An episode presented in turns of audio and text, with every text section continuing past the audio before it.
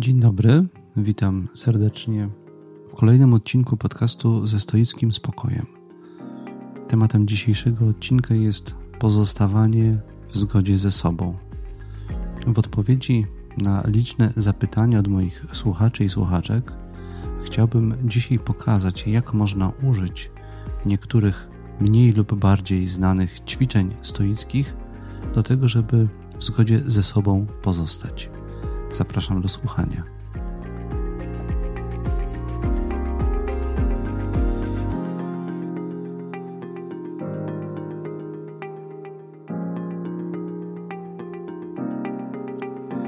Zanim bliżej wyjaśnię, skąd dokładnie wziął się ten temat, jakie pytania skłoniły mnie do jego podjęcia i co mam na myśli, używając sformułowania być w zgodzie ze sobą, czy pozostać blisko siebie, bo tych dwóch sformułowań będę chciał używać dzisiaj zamiennie. Zanim to wszystko, to chciałbym najpierw zacząć dzisiaj od podziękowań nietypowych. Mianowicie chciałbym bardzo serdecznie podziękować uczestnikom i uczestniczkom ostatnich warsztatów stoickich, jakie miały miejsce w Aleksandrynie pod Warszawą. Mm, te warsztaty, w tych warsztatach wzięło udział 10 osób. To byli y, Marcin, Karol, Zbigniew, jeszcze jeden Zbigniew, Ludwik, Konrad, Magdalena, Justyna, Zuzanna, Monika. Tej dziesiątce chciałbym bardzo serdecznie podziękować za stworzenie niezwykłej dynamiki sprzyjającej wymianie doświadczeń, myśli, uczenia się od siebie nawzajem, naprawdę bardzo życzliwej e, i inspirującej atmosfery. Jest, są to podziękowania do tej dziesiątki, ale także szerzej. Są to podziękowania adresowane do wszystkich moich słuchaczy, dlatego że ja nieodmiennie doświadczam pewnego rodzaju zdumienia, kiedy zapraszam na warsztaty kolejne grupy. Także czasami są to osoby, które uczestniczą w tych warsztatach po raz kolejny, czasami są to nowe osoby. W przeważającej większości są to osoby rekrutujące się ze słuchaczy i słuchaczek tego podcastu. I tym, co mnie nieustannie zdumiewa i zachwyca, jest to, jak łatwo wchodzicie w proponowane przeze mnie wyzwania, ćwiczenia, zadania, pracę w podgrupach, odgrywanie scenek. E, jak łatwo uruchamia się pełna otwartości i życzliwości i wymiany doświadczeń dynamika grupy. Jest to chyba jakaś cecha słuchaczy i słuchaczek tego podcastu, że jesteście bardzo specyficznym gronem ludzi, którzy z dużą życzliwością i otwartością na drugiego człowieka są gotowi do tego, żeby razem poszukiwać ważnych rzeczy. Więc za to, że tacy jesteście, a za każdym razem, kiedy mam nową grupę, to to się potwierdza. Za to, że tacy jesteście, bardzo Wam dziękuję. To jest to niezwykle inspirujące. Właśnie takie doświadczenie dla mnie jest najbardziej motywujące do tego, żeby dalej robić to, co robię. Więc tej dziesiątce za ich niezwykłą e, dynamikę, która uruchomiła się praktycznie od razu, od pierwszego dnia, po pierwszym posiłku, jak zaczęliśmy rozmawiać o właśnie poszukiwaniu siebie, o tym, gdzie my mamy siebie. To był pierwszy temat pierwszego panelu, pierwszego modułu warsztatów. Od samego początku ta dynamika od razu się objawiła i była piękna do samego końca. Tak więc za to jeszcze raz dziękuję. A teraz przechodzę już do dalszych przygotowanych przeze mnie części dzisiejszego podcastu.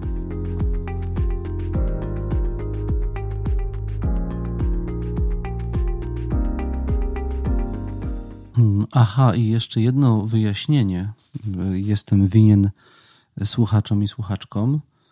Hmm, otóż y, poprzedni odcinek, który nosił tytuł Impas komunikacyjny, zakończył się zapowiedzią kontynuacji, która miała być przeprowadzona na podstawie relacji zgłaszanych przez uczestników, przez, przepraszam, y, słuchaczy i słuchaczki. Ja faktycznie takie relacje mam, one do mnie spływają, ale jeszcze chciałbym poczekać na pozostałe, bo one cały czas przychodzą mm, i sobie je uporządkować. Mm, to też dzisiejszy odcinek jest poświęcony innemu tematowi, natomiast do komunikacji, do tego, jak sobie obszar komunikacji dobrze poukładać po stoicku, ze spokojem, z zachowaniem granic i z szacunkiem do siebie i do innych. Do tego tematu wrócę w następnym odcinku. Ja o tym pamiętam, więc proszę się nie niepokoić, nie zapomniałem o tym.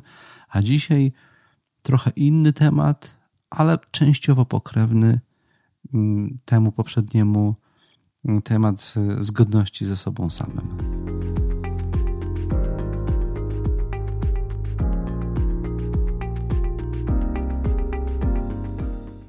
Podczas wspomnianych tutaj przed chwilą przeze mnie ostatnich warsztatów stoickich, przy omawianiu dwóch różnych modułów, dwóch różnych tematów, dwoje uczestników tych warsztatów zadało mi charakterystyczne pytanie, które można by potraktować jako bezpośrednią przesłankę do tego, żeby zająć się dzisiejszym tematem, tematem pozostawania w zgodzie z samym sobą.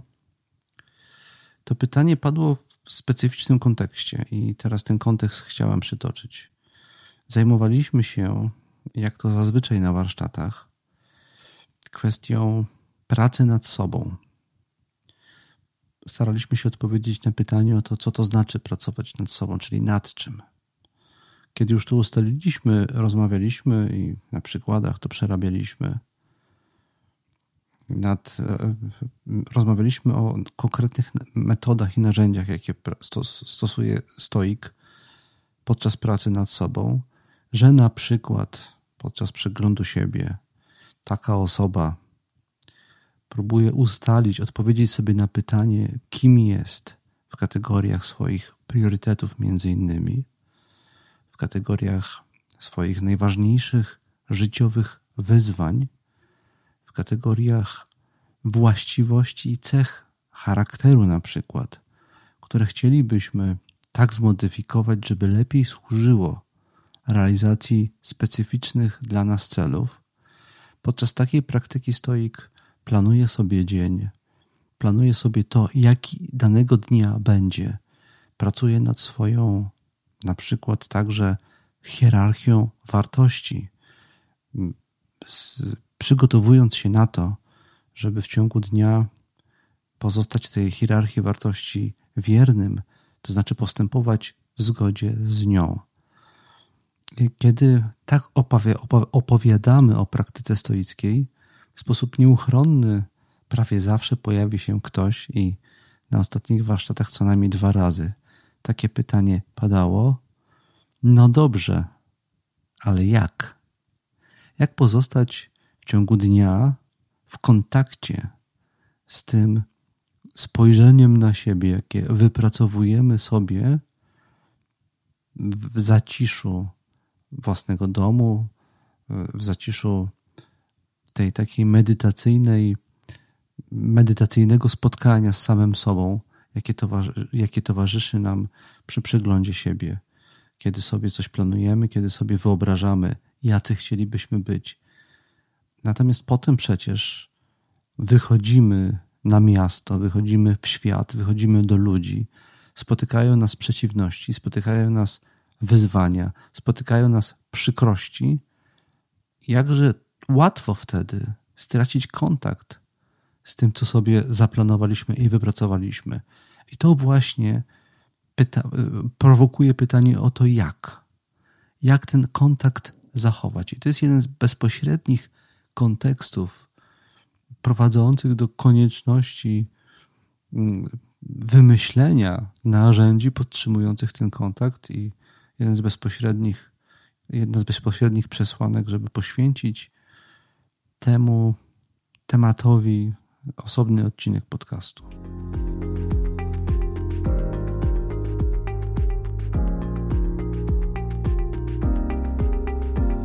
Inny specyficzny kontekst będący pretekstem do podjęcia dzisiejszego tematu, tematu zgodności ze sobą, to kontekst relacji z innymi ludźmi. Ja co jakiś czas mam pytanie o to, jak sobie radzić z sytuacjami, z szczególnymi sytuacjami, kiedy w relacjach z ludźmi bliższymi i dalszymi nam doświadczamy z różnych powodów, bo, bo znaleźliśmy się w określonej sytuacji, takich uczuć jak lęk, wstyd, gniew czy poczucie winy, które to spra uczucia sprawiają, że zaczynamy podważać samych siebie. To jest jedno z istotnych wyzwań, przed jakimi współcześnie bardzo często stajemy. Mianowicie brak pewności siebie w sytuacji kryzysu, w sytuacji wyzwania. Otóż my sobie coś wypracowaliśmy, jakiś pogląd mamy na temat tego, co jest dla nas ważne, przemyśleliśmy sobie samych siebie i, co, i poukładaliśmy.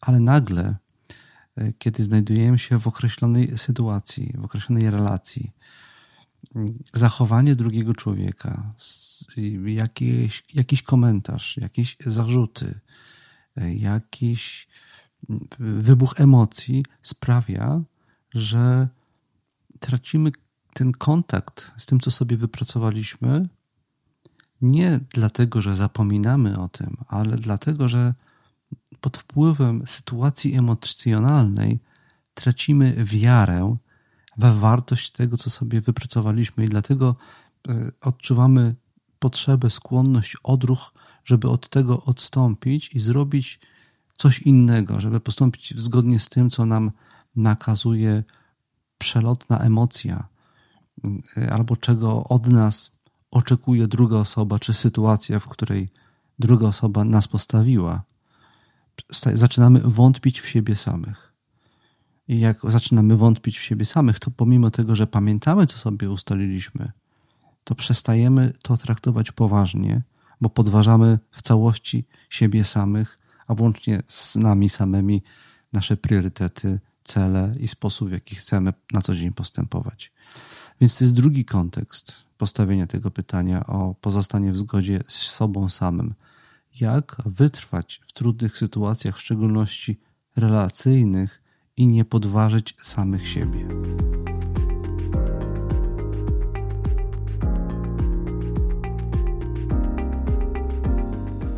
A więc drugi kontekst to można powiedzieć zachowania innych ludzi, ich oczekiwania i ich emocje, które wywołują w nas też jakieś e, reakcje emocjonalne, w efekcie czego tracimy wiarę w samych siebie. A to jest ten drugi kontekst. Trzeci kontekst pozornie jest bardzo podobny do drugiego, ale ma jednak trochę inną konstrukcję, dlatego warto to wyodrębnić. Chodzi o to, jak my jesteśmy zbudowani jakie mamy głębokie struktury osobowości, które sprawiają, że tracimy wiarę w samych siebie nie z powodu tego, co nas spotyka, ale z powodu tego, jak my jesteśmy skonstruowani. I tutaj zazwyczaj chodzi o wewnętrznego krytyka. Przytoczę e-mail, jaki dostałem od jednego ze słuchaczy, który pisze tak. Ostatnio cytuję. E, panie Tomaszu, ostatnio udało mi się znów trafić na wywiad, który przeprowadził Pan dla czasopisma Znak e, odnośnie praktyki stoickiej. Jest to numer ze stycznia 2019 roku.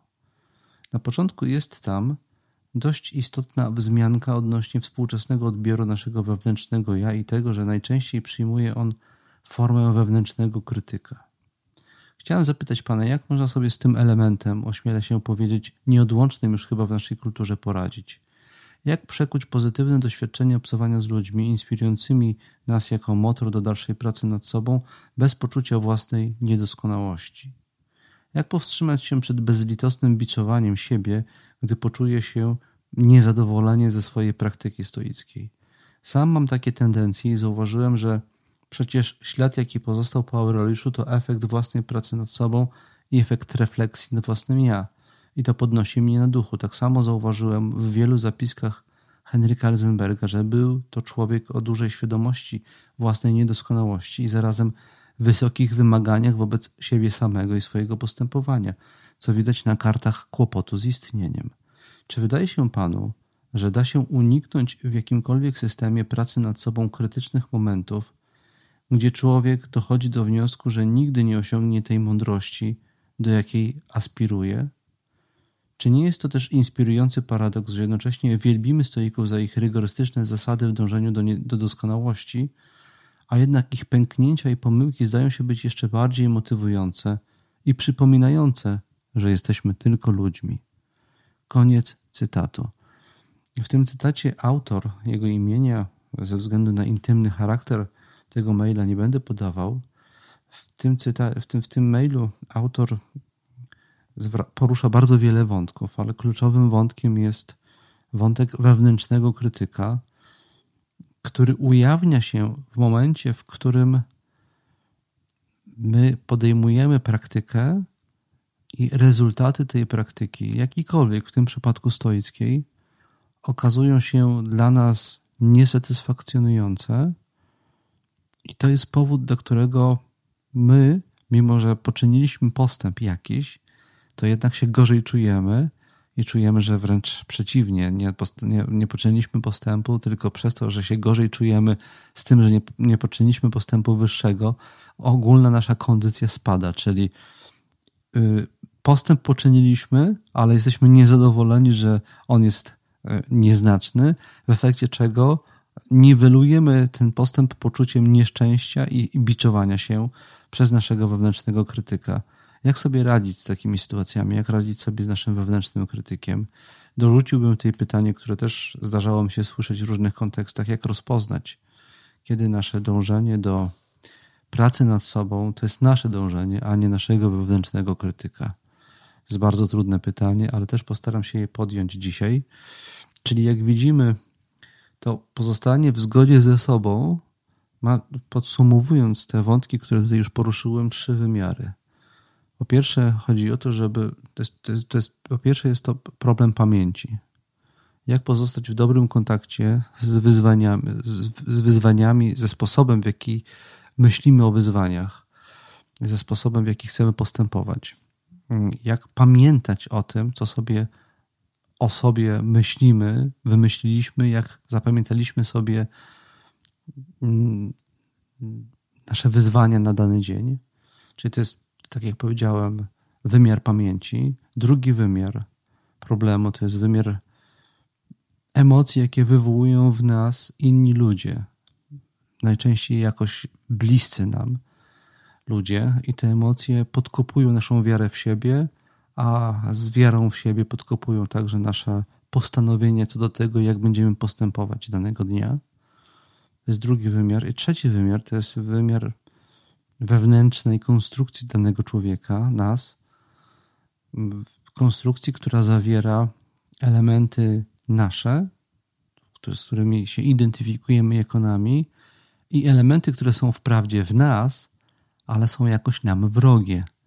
I tym takim wrogim elementem jest właśnie wewnętrzny krytyk, który jest jakby częścią nas, ale taką częścią nas, która uruchamia się w sposób nam szkodzący, bo właśnie podważa nasze e, drobne sukcesy, oczekując od nas znacznie więcej, czasami więcej niż jesteśmy w stanie osiągnąć, i potrafi być bezlitosny, okrutny i krzywdzący. Więc to jest ten trzeci wymiar wymiar wewnętrzny, wymiar wewnętrznego krytyka, który sprawia, że tracimy kontakt ze sobą i w pewnym sensie zdradzamy samych siebie.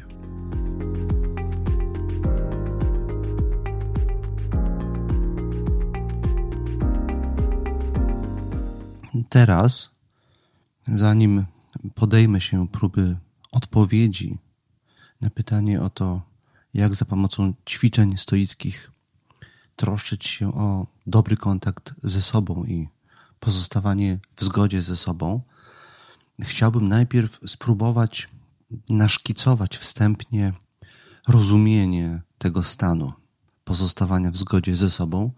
I jedna część tego rozumienia, właściwie z tego, co do tej pory powiedziałem, już się wyłania. Chodzi o zgodność z naszymi priorytetami, i zaplanowanymi w stanie refleksji działaniami. Czyli czy umiemy wytrwać w dążeniu do czegoś, co jest dla nas ważne, ale także w jakości tego dążenia. Czyli co i jak zamierzamy dzisiaj robić, czy umiemy pozostać w zgodzie z tym e, i mm, czy i na ile jesteśmy odporni na wszelkiego rodzaju wewnętrzne i zewnętrzne przeciwności stające nam w realizacji naszych zadań danego dnia na drodze.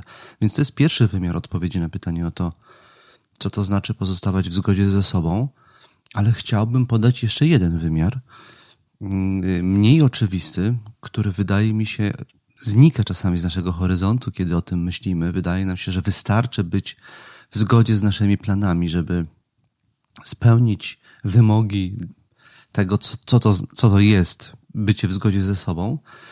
Podczas gdy jest jeszcze jeden aspekt tego doświadczenia, y, bardzo cenny i istotny. Chciałbym go przybliżyć za pomocą trzech metafor. Pierwsza to jest metafora biegania. Kiedy wyobraźmy sobie, że idziemy pobiegać po lesie, bo naszym celem jest przebieżka i, i troska o dobrą kondycję. I y, kiedy wyruszamy z domu, mamy tą perspektywę, że las jest duży, że jak jakaś ścieżka okaże się zatarasowana zwalonym drzewem, to opierzemy inną marsztrutę, inny kierunek biegu. W zależności od tego, co zastamy, zastaniemy dzisiaj w lesie, tak będziemy układać naszą trasę. Podobnie to dotyczy tempa. Będziemy biegli tak, jak czujemy, że nasz organizm potrzebuje, żeby biec. Mm, podobnie dotyczy czasu, to, to samo dotyczy czasu biegnięcia. To jest metafora y, swobody realizacji zaplanowanego treningu. Czym innym jest taka swoboda, czym innym, kiedy biegnąc po lesie wyobrażamy sobie, że tylko jedna ścieżka jest dla nas dostępna i w momencie, kiedy jest zatrasowana, to rezygnujemy z biegu, albo kiedy upieramy się, że to musi być tyle, a tyle, takie a takie tempo, że to musi być taki a taki y, czas, że to musi być mm, tak, taki a taki dystans I, i w momencie, kiedy nie udaje nam się tego zrealizować, to zaczynamy y, czuć niezadowolenie i presję. To jest pierwsza metafora, metafora biegu. Bycie u siebie, bycie w zgodzie ze sobą i w kontakcie ze sobą, to jest także poczucie wewnętrznej swobody w, w realizacji naszych celów, ale także dostęp do różnych e, alternatywnych wariantów Y, za pomocą których te cele możemy realizować. I łatwość przeskakiwania z jednego na drugi. Łatwość, która nie jest blokowana przez, y, przez pojawiające się przeszkody, przeciwności i stresujące sytuacji. Sytuacji po prostu robimy swoje, czując, że nie możemy obrać jednej drogi, obieramy drugą i robimy to lekko, swobodnie i płynnie. Użyłbym też tutaj sformułowania przestrzeń wewnętrzna. Robimy to z, z, pewnego rodzaju wewnętrzną przestrzenią i taką wygodne, wygodą, wygodnego osadzenia się w sobie samym. Druga metafora, jaką w tym kontekście mm, chciałem użyć, to jest metafora potoczy, potoczystości wymowy. Kiedy szykujemy się do tego, żeby coś komuś zakomunikować, e, to możemy to zrobić w napięciu, ale możemy to też zrobić mm, ze swobodą ze swobodą komunikacji. Do, dobór słów pozostaje bogaty, pozostaje cały czas w naszym zasięgu. Nie zacinamy się, kiedy mamy do, do, do zakomunikowania to, co chcemy zakomunikować. Przychodzi nam to lekko, łatwo, sięgamy po argumenty, w zależności od tego, jaka, jak potoczy się rozmowa, sięgamy po y, jakieś przytoczenia y, y, cytatów, sięgamy po nazwiska autorów, których w tym kontekście przydałoby się podać, wykorzystać, do nich jakoś nawiązać. Mamy dużą swobodę dostępu do naszych zasobów. I to jest drugi element tego bycia w zgodzie i bycia blisko siebie swobodny dostęp do naszych zasobów. Sytuacje stresujące sprawiają, że jesteśmy odcięci od części naszych zasobów, zasobów i chociażby z tego powodu nie pozostajemy w kontakcie ze sobą. Jesteśmy nastawieni na bardzo wąski tor reagowania na daną sytuację. I to, ten, ta wąskość jest istotą tego odcięcia od siebie do pewnego stopnia. I trzecia metafora, jaka przyszła mi do głowy, to jest metafora improwizacji muzycznej. Ktoś, kto y, kiedykolwiek miał doświadczenie y, zajmowania się muzyką i grania na jakimś instrumencie, wie, że Można improwizować wokół jakiegoś motywu ze swobodą, jeżeli się ma wyćwiczone techniki i, i odpowiednie umiejętności z, z tym związane. Mm, więc należy sobie wyobrazić nasze cele, które mamy danego dnia do zrealizowania, nasze wartości, którego, które mamy danego dnia do zrealizowania, jak motyw muzyczny, który realizujemy za pomocą różnych metod, narzędzi, ścieżek, ścieżek interpretacyjnych i improwizacyjnych, w zależności od tego, y, co nam w ży życie podsunie jako kontekst y, w, w ramach którego gramy. Dostosowujemy się naszą wewnętrzną melodią do tego, w jakiej sytuacji się znaleźliśmy i, i gramy dalej swoje. My mamy swoją melodię do zagrania. Rzeczywistość podsyła, podsyła nam e, akompaniament, który możemy i powinniśmy jakoś do tego celu wykorzystać. I tutaj też w tym trzecim przypadku chodzi mi e, o podkreślenie uczucia swobody, dostępu do środków wyrażania i realizowania siebie, pełnego i bogatego, swobodnego, radosnego dostępu. Więc oprócz tego, że realizujemy swoje cele z konsekwencją i determinacją, chodzi tutaj też o pewną lekkość, przestrzenność i swobodę realizacji tych celów.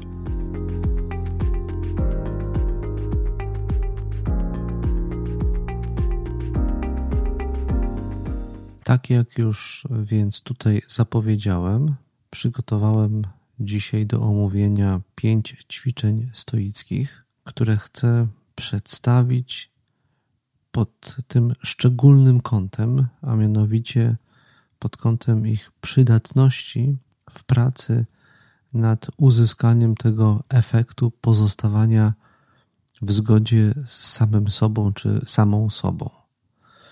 Chcę jednocześnie bardzo wyraźnie zaznaczyć, że efektywność, użyteczność tych ćwiczeń pochodzi od, jest konsekwencją ich wcześniejszego przećwiczenia, że się tak wyrażę, na sucho, a więc w warunkach przeglądu siebie, w warunkach, które przywykłem określać mianem przeglądu siebie, jest to ten specjalny, refleksyjny tryb pracy naszego umysłu, tryb, w którym mm, spotykamy się sami ze sobą i w którym nic bezpośrednio nam nie zagraża.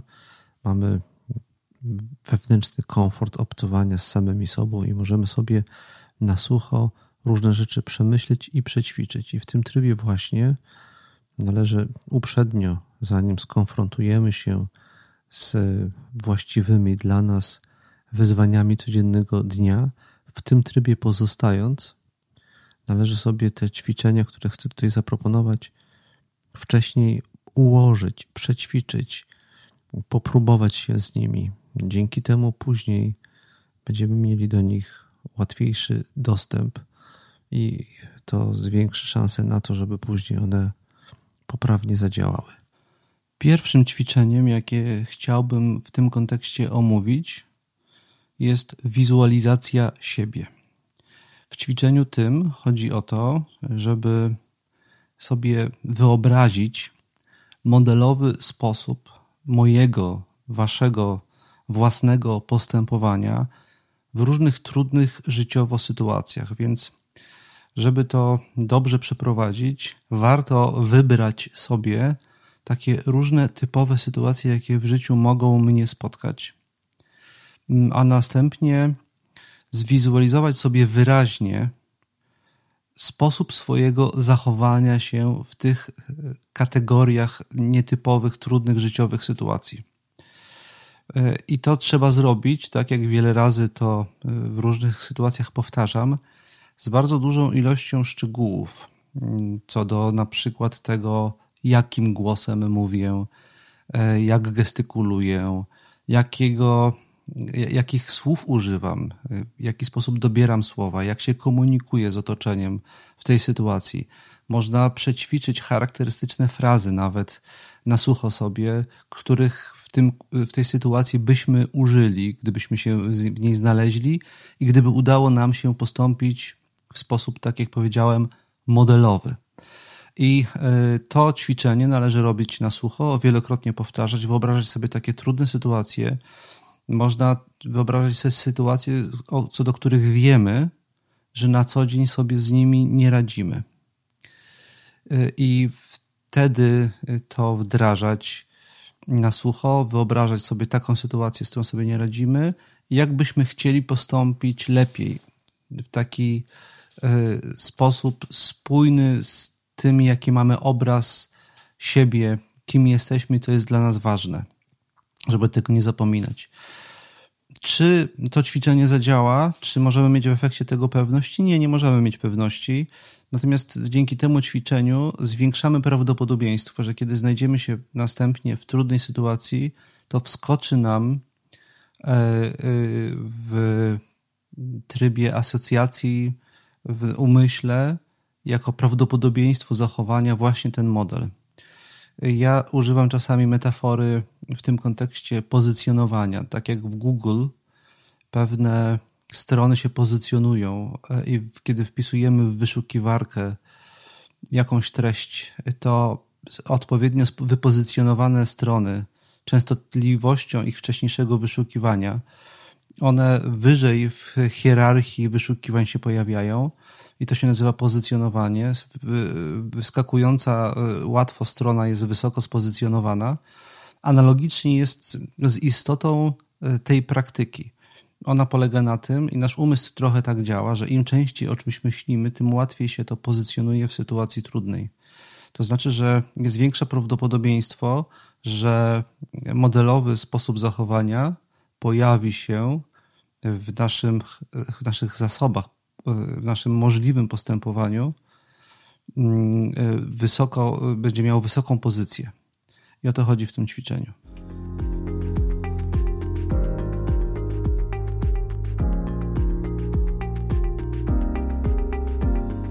Drugie ćwiczenie, które też działa na zasadzie omówionego tutaj przeze mnie już pozycjonowania, to jest znane stoickie ćwiczenie pod tytułem powtarzanie zasad. Jest taki fragment u Marka Aureliusza, gdzie on mówi: Żyją zasady. I ma na myśli z jednej strony to, że bez względu na to, jak żyjemy, e, i tak jesteśmy częścią pewnej logicznej struktury, którą, e, którą się kieruje otaczająca nas rzeczywistość ta logiczna struktura, struktura zasad i reguł to po prostu logos. I w tym sensie zasady żyją. Wszystko, co się dzieje, dzieje się podług odwiecznych, odwiecznych zasad. Natomiast y, to, co jeszcze mógł mieć Marek Aureliusz na myśli, to jest to, że my żyjemy według zasad wtedy, kiedy sobie je uwewnętrzniamy, internalizujemy, y, wbijamy w pamięć na zasadzie powtarzania y, w stylu mantry. W tym celu warto mieć swoje najważniejsze zasady w jakiejś lapidarnej, krótkiej, zwięzłej formie spisane. Te konkretne sformułowania konkretnych zasad mogą przyjąć postać cytatów też e, ze znanych autorów stoickich. Chodzi o to jednak, żeby to do nas przemawiało. To musi być tak ujęte i takim językiem, żeby to do nas trafiało, więc to jakoś musi być nasz język. I takich zasad kilka, kilkanaście warto mieć. Warto je mieć spisane i sobie je w różnych sytuacjach, w szczególności podczas porannego przeglądu siebie, ale także potem czasami w ciągu dnia e, do nich wracać i sobie je trzeba powtarzać.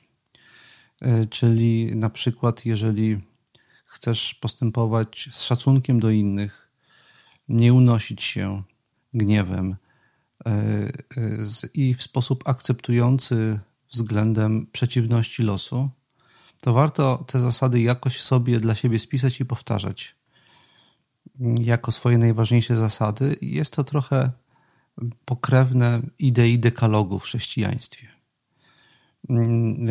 który to w różnych sytuacjach na zasadzie pacierza się powtarza.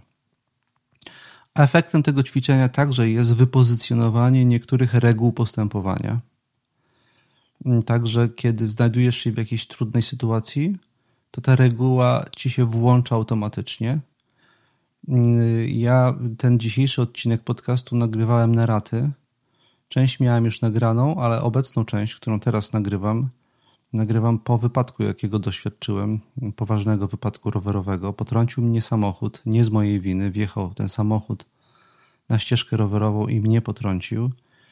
I była tam taka sytuacja w trakcie tego całego wydarzenia, kiedy kierowca, e, będący w silnych emocjach i trochę nie przyjmujący do wiadomości, że to jest jego wina, próbował ze mną dość agresywnie dyskutować kiedy ja siedziałem na drodze ze, ze świadomością, że mam złamany obojczyk, bo czułem, że mi tam chrupie w obojczyku wszystko i, i czułem narastający ból.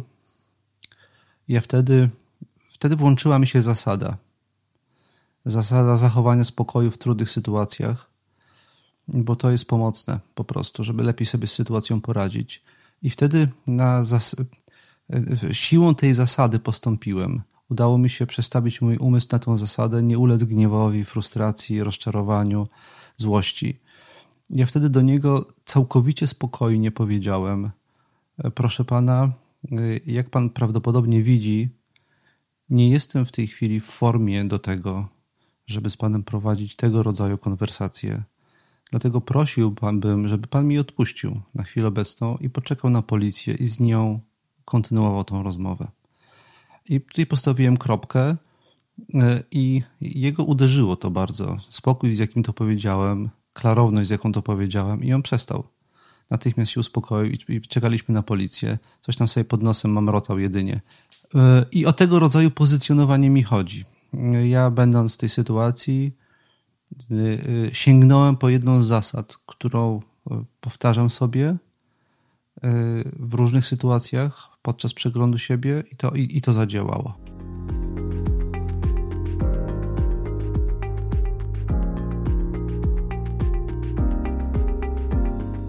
Kolejne ćwiczenie, jakie w kontekście pozostawania w zgodności z sobą samym lub sobą samą chciałbym zarekomendować, jest jedno z najsłynniejszych stoickich ćwiczeń czy zasad.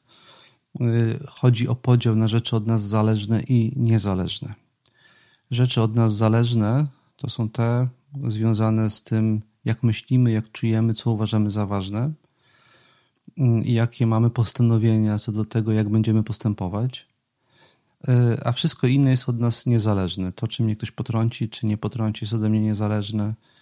E, to, z jakimi ludźmi będę miał na co dzień do czynienia, to, czy powiodą się moje plany, e, czy nic przypadkowego nie stanie na drodze realizacji moich zamierzeń. To wszystko są rzeczy od nas niezależne.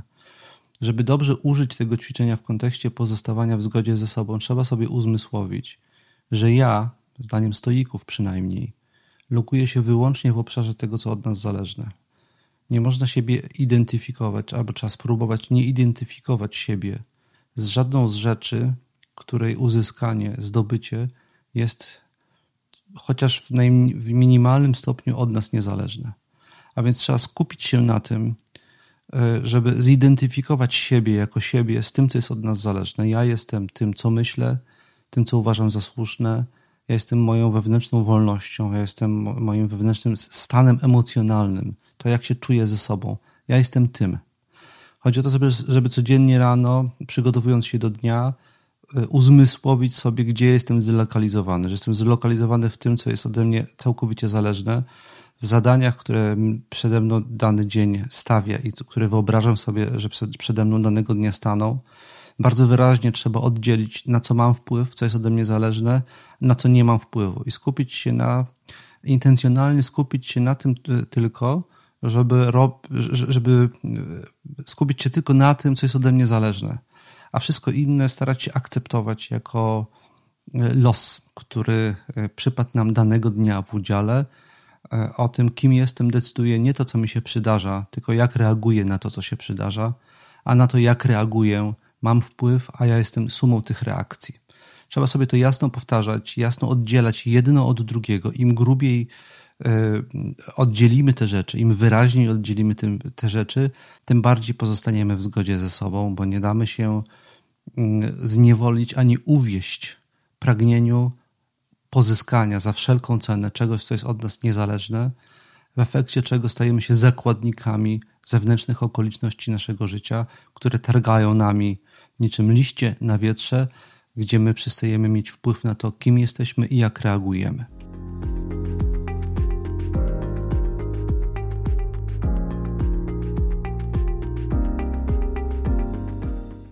Ostatnie dwa ćwiczenia, które chcę omówić, oprócz tego, że mają ogólne zastosowanie do tego, żeby pozostać w zgodzie ze sobą, to jeszcze w szczególności nadają się bardzo dobrze do tego, żeby sobie radzić z wewnętrznym krytykiem.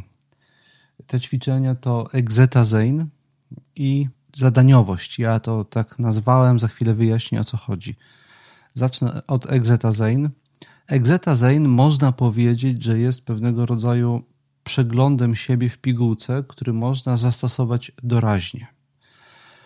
Polega to na tym, żeby na chwilę, zwłaszcza w sytuacji, w której czujemy się niekomfortowo, e, czujemy, że wzbierają w nas jakieś emocje, które mogłyby nas poprowadzić w niepożądanym kierunku, gdzie ma miejsce jakieś nagłe zdarzenie wytrącające nas z naszego normalnego trybu działania. E, w tej sytuacji trzeba zrobić kilka ruchów wewnętrznych. Po pierwsze, e, należy spróbować wyjść z sytuacji, jakby zamknąć drzwi do niej i stanąć z boku siebie. I patrząc z boku siebie, należy zadać sobie pytanie.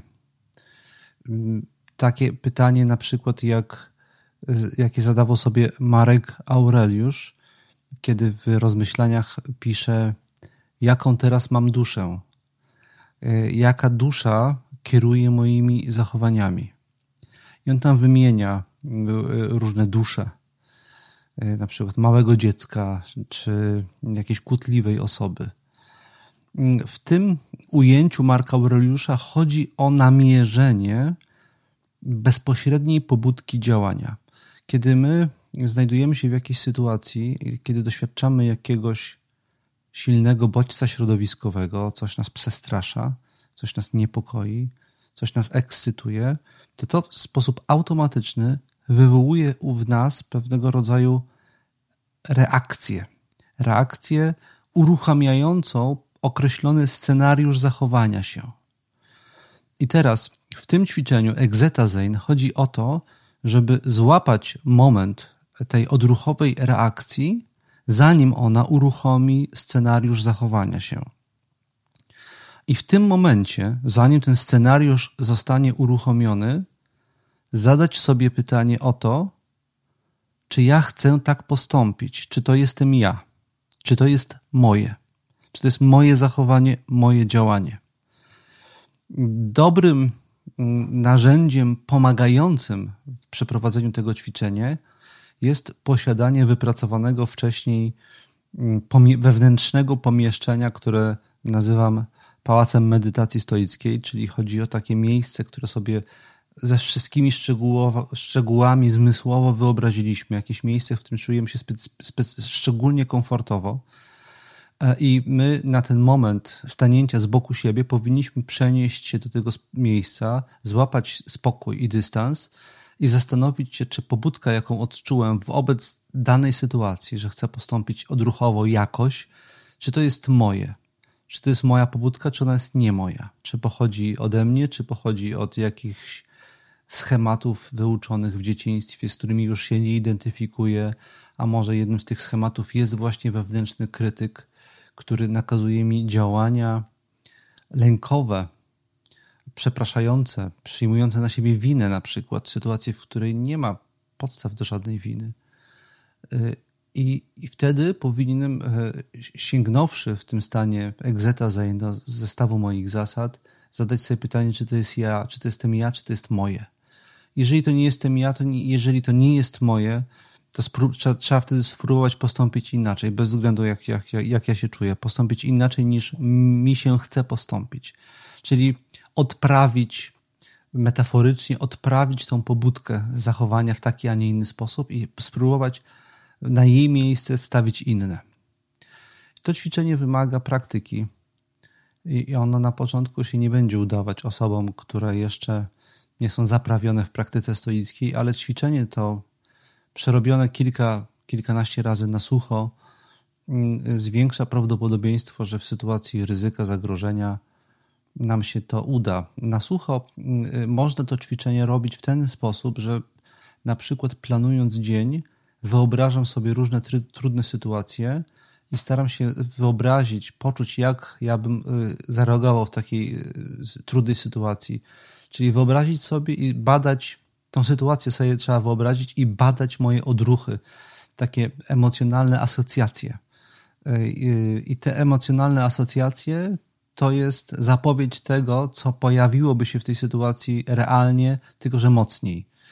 I z tą zapowiedzią trzeba pracować w sobie, wyobrazić sobie jakąś sytuację stresującą w pracy, szczegółowo ją sobie wyobrazić, poczuć, jakbyśmy w tej sytuacji e, się, się poczuli, wyobrazić to sobie to odczucie, realnie go doświadczyć, nie tylko wyobrazić sobie, niech ono się zadzieje w nas troszeczkę na jakimś poziomie i z tym, co się zadzieje w nas pracować, używając metody Exetazain, spytać się, czy to jest moje, czy to nie jest moje i zastanowić się, jak inaczej ja mógłbym zareagować w tej sytuacji i spróbować sobie wyobrazić siebie reagującego inaczej w tej sytuacji.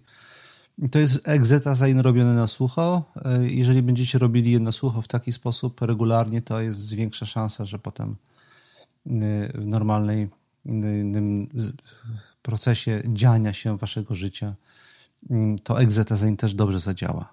I ostatnie ćwiczenie, które, tak jak powiedziałem, też bardzo dobrze się nadaje do pracy z wewnętrznym krytykiem, to jest zadaniowość. Zadaniowość polega na tym, że my e, sobie kategoryzujemy wyraźnie i odróżniamy tryby działania naszego umysłu.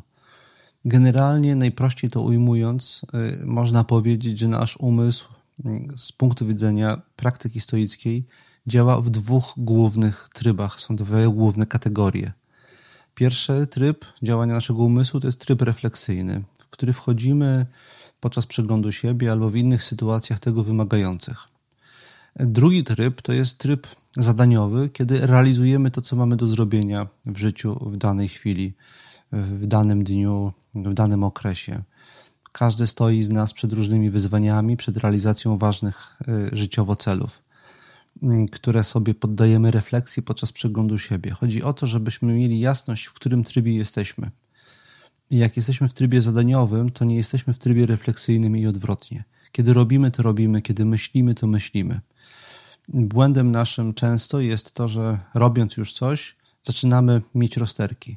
Jeżeli odpowiednio wcześniej przemyśleliśmy nasz plan działania i do czego zmierzamy i jak zmierzamy, to nie powinniśmy już, kiedy robimy rzeczy, pozwalać sobie na rozterki, bo to jest właśnie niepotrzebne rozpraszanie się y, i niepotrzebny zaburzacz efektywności naszego działania. Jeżeli ktoś ma wewnętrznego krytyka albo łatwo ulega emocjom, to właśnie i wewnętrzny krytyk, i emocje generują rozterki bardzo często, które kiedy potem wracamy do tego refleksyjnie po jakimś czasie, okazuje się, że były zupełnie y, y, niepotrzebne i wyłącznie zaburzyły nasz proces działania.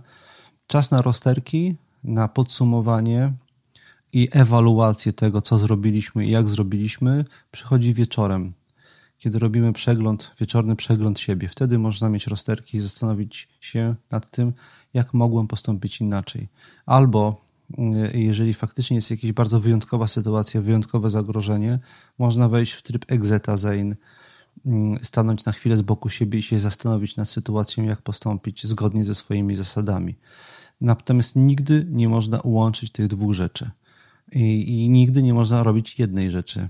Podejmować ważne decyzje, zwłaszcza dotyczące zmiany y, y, reguł postępowania i celów naszego postępowania pod wpływem chwili i pod wpływem emocji. E, albo działamy, a jeżeli działamy, to na podstawie wcześniej przemyślanych reguł i zasad, albo rozważamy te reguły i zasady. Nigdy nie należy tego łączyć. A więc jeżeli wewnętrzny krytyk próbuje mm, podważyć sensowność naszych działań, w momencie, kiedy coś robimy, kiedy próbuje podważyć wartość tego, co robimy, kiedy to robimy, to będąc w trybie zadaniowym, trzeba go stanowczo y, odprawić. I można nawet sobie to powiedzieć: Nie teraz jest czas na to, teraz robimy to, co zaplanowaliśmy. Później możemy do tego wrócić i zastanowić się nad tym, czy to jest słuszne, to co zrobiliśmy kluczowym y, zawołaniem w tej sytuacji jest zawołanie nie teraz. I tak, tak wygląda to ćwiczenie i to było ostatnie ćwiczenie pomagające zachować y, kontakt ze sobą i bycie w zgodzie ze sobą. które na dzisiaj przygotowałem.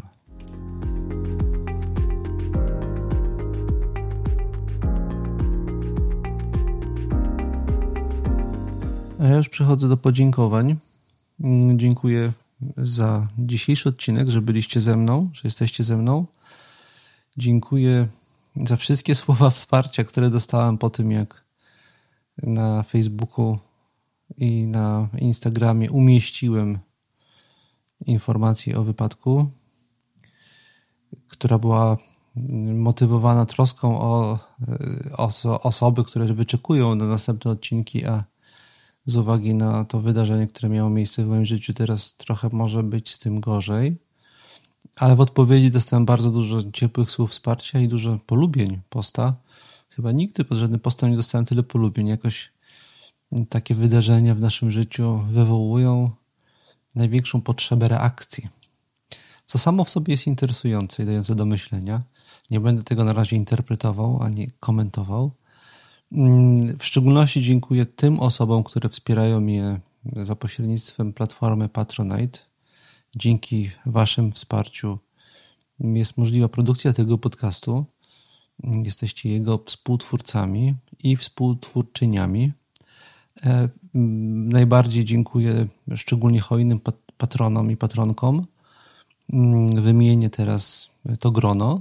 To jest Ludwik Sienica, Zbigniew Celej, Piotr Wojtczak, Sławomir Franus, Jacek Mędyk, Krzysztof Pudełko, Justyna Metryka, Małgorzata Małodzińska, Agata F., Krzysztof Kamil, Anna Micrahi, Bartosz Szarowar, Łukasz Mandzyn i Leszek Para.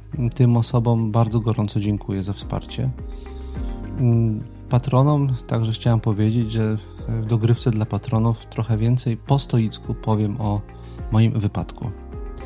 E, wszystkich e, innych e, i, tym, i wszystkich tych, którzy ograniczają się do słuchania tej części, bardzo serdecznie żegnam i do usłyszenia w następnym odcinku podcastu. Postaram się, żeby było jak najszybciej.